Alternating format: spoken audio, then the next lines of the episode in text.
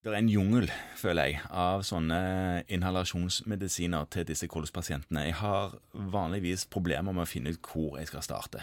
Hva gjør vi? Det er jo en enorm mengde med sånne dingsebomser. Og det som er viktig, er heller hva er det de gjør. Vi må dele de inn i noen grupper etter hva de gjør for noe med pasienten. Og hos kolspasienten så er det når det gjelder medisiner, så er det to ting vi holder på med. Det, Det første? ene er å bedre pusten og symptomene til pasienten. Prøve å utvide luftveien litt, sånn at de får bedre pust. Det vi kaller for symptombehandling. Ja, Det andre er å forebygge og behandle forverrelser. At de ikke får det vi kaller for akutte forverrelser eller eksacerbasjoner. Å ja sånn som de plutselig må inn på sykehuset for? Ja, eller det som veldig ofte på legevakt eller andre sammenhenger oppfattes som en bronkitt eller en lungebetennelse. Og som kanskje egentlig bare er en akutt forverrelse av en underliggende kols. Så det er de to tingene. Og hvis vi begynner med symptombehandlingen først, så er det det vi kaller for bronkodilatatorer. Og da er det to forskjellige. Det vi kaller for beta-2-agonister Som stimulerer beta-reseptoren? som stimulerer beta-reseptoren og utvider luftveiene. Og så er det det som heter eh, muskerinreseptor-antagonister. Som blokkerer muskelrinreseptoren. Det gjør de. Og De utvider også luftveiene. For begge relakserer den glatte muskulaturen i luftveiene. Det gjør de. Via forskjellige mekanismer, Ja, det tar vi ikke nå. som er veldig krevende. Og begge de to gjør at pasienten får flyttet mer luft inn og ut. Fordi det blir mindre obstruksjon, mindre som stenger for luften. Det stemmer. Og da er det sånn at hos astmapasienter så er jo de ofte fremstilt med en sånn spray som de tar når de blir akutt tett i pusten. Kolspasienter blir jo sjelden sånn akutt tett i pusten. De er bare tett i Ja. pusten. Ja. sånn. Så de må ha en langtidsvirkende bronkodilatator som virker hele tiden. Og Der finnes det et vell av de, og det kan vi ikke gå inn på her, men, men det som er viktig, er at man på en måte lærer seg noen av de, og forstår at dette er medisiner som vi tar for å utvide luftveiene, for at pasienten skal få bedre pust. Når pasienten begynner å få mye forverrelser, da sier vi ofte at hvis de har to eller flere per år, eller hvis de har én som er så alvorlig at de har vært på sykehus for den, så bør du prøve å gi noe som forebygger sånn akutt eksacerbasjon. Men ikke før det har skjedd. Nei. Så enten to i løpet av et år, eller så ille én at han har vært på sykehus. Ja. Og da bruker vi noe som er betennelsesstempler. Da Mhm. bruker vi inhalasjonsteroider. Ja, For steroider er jo det mest potente betennelsesdempende medikamentet man kjenner. Eh, Så de pasientene skal ha inhalasjonsteroider. Og det kjenner vi best som en astmamedisin. Men når de da har fått en kols som Ja. gir de mye Altså, vi kaller det for hyppig. Så kan vi diskutere om to ganger i året er så hyppig. Jo, jo. men Hyppige og alvorlige forverrelser.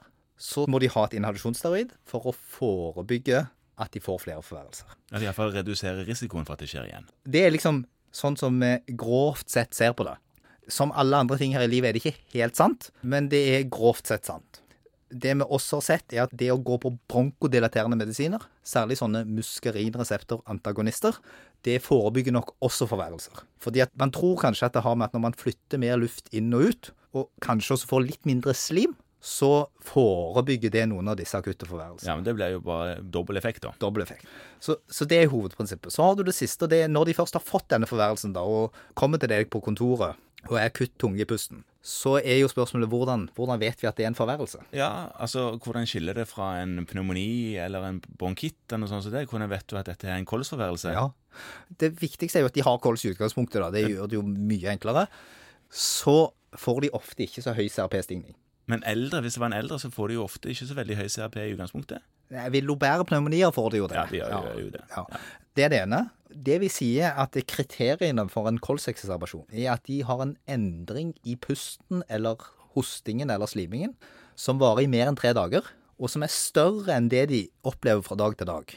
Ingen dager er like, noen dager er litt verre enn andre. Men hvis den er større enn det og har vart mer enn tre dager, og de har en forverrelse i symptomene sine, så er det stor mistanke om at det er en kolsforverrelse. Og da kan man gjerne ta en CRP. Da vil man forvente at den ikke er så høy. Og hvis den er kjempehøy, så er det stor risiko for at det er en pneumoni. Da skal de ha pneumonibehandling. Vanlig behandling av en kolsekseserbasjon i dag, det er prednisolon, Sånn Som tabletter. tabletter. Ja. Og så er det eventuelt antibiotika. Men en sånn store doser prednisolon òg? Ja, 40-60 milligram. Relativt heftig. Og så en nedtrapping? Ja. Nei. Vi anbefaler egentlig bare å gi de fem til syv dager. Og hvis du gjør det av og til, så trenger du ingen nedtrapping. Hvis du gir de mindre enn 14 dager, så går det som oftest greit. Det som er en sånn skikkelig felle å gå i, som mange av oss har gjort, det er jo at du har noen sånn kjempedårlige kolspasienter. Og så har han vært hos deg, og så ga du han en kur, og så har han vært på legevakten, og så får han en ny kur. Ja. Og så kommer han tilbake igjen til deg, og så gir du en ny kur. Og så har han funksjonelt gått på en kjempehøy dose prednisolon i, i fire uker. Da må de ha nedtrapping. Og det er jo heller ikke ideelt å gå så lenge. Det er ikke ideelt, men noen av de er kjempedårlige, og du har ikke så mye annet. Et par ting jeg må spørre om her. Ja. nå. Det ene er hva om den eksacerbasjonen du mistenkte viste seg å være en eh, pneumoni, Ja, og du gir da steroider fordi du tenkte det var en forverring. ja. Hva skjer da? Det vi sier i dag, er at hvis de har en lav CRP, i hvert fall her i Norge, som vi bruker CRP, og du mistenker en kolsekseserbasjon og starter med prednison, så kan du godt utstyre de med et antibiotika. Førstevalget da er amoxicillin. Og så sier du at hvis du ikke føler deg noe bedre til i morgen, så kan du begynne med amoxicillin i tillegg. En sånn vent-og-se-resept. En sånn vente og se. altså. Vi har også sett at det er ganske antibiotikasparende å be de vente et par dager med å begynne med antibiotikaen, fordi at kanskje så mye som halvparten aldri begynner med den, og blir like fort god. Det var det ene. Lurte du på noe annet? Ja, hvis du er ferdig, så vil jeg spole tilbake igjen til disse eh, beta-reseptoragonistene. Ja. Jeg har hørt folk snakke om LABA og LAMA. Ja. Kanskje du bare med én setning helt avslutningsvis sier hva betyr det?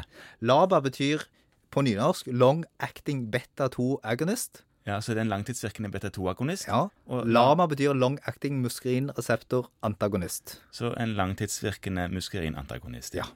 Ikke verre enn det. Ikke verre enn det. For de sier jo laba-lama som om det var noe alle visste hva var. Ja, og nå fins finnes det jo Laba Lama er jo da kombinasjonen av disse to, som nå finnes i en rekke forskjellige dingsebomser. Ikke sant. Ja. Og så er det en kjempegod kolsmedisin. Kommer de kombinert med steroidinhalasjoner òg i tillegg? Ja, det er rett rundt hjørnet. Mm. Etter hvert kommer det òg. Enda mer å ta stilling til. Men takk skal du ha, iallfall.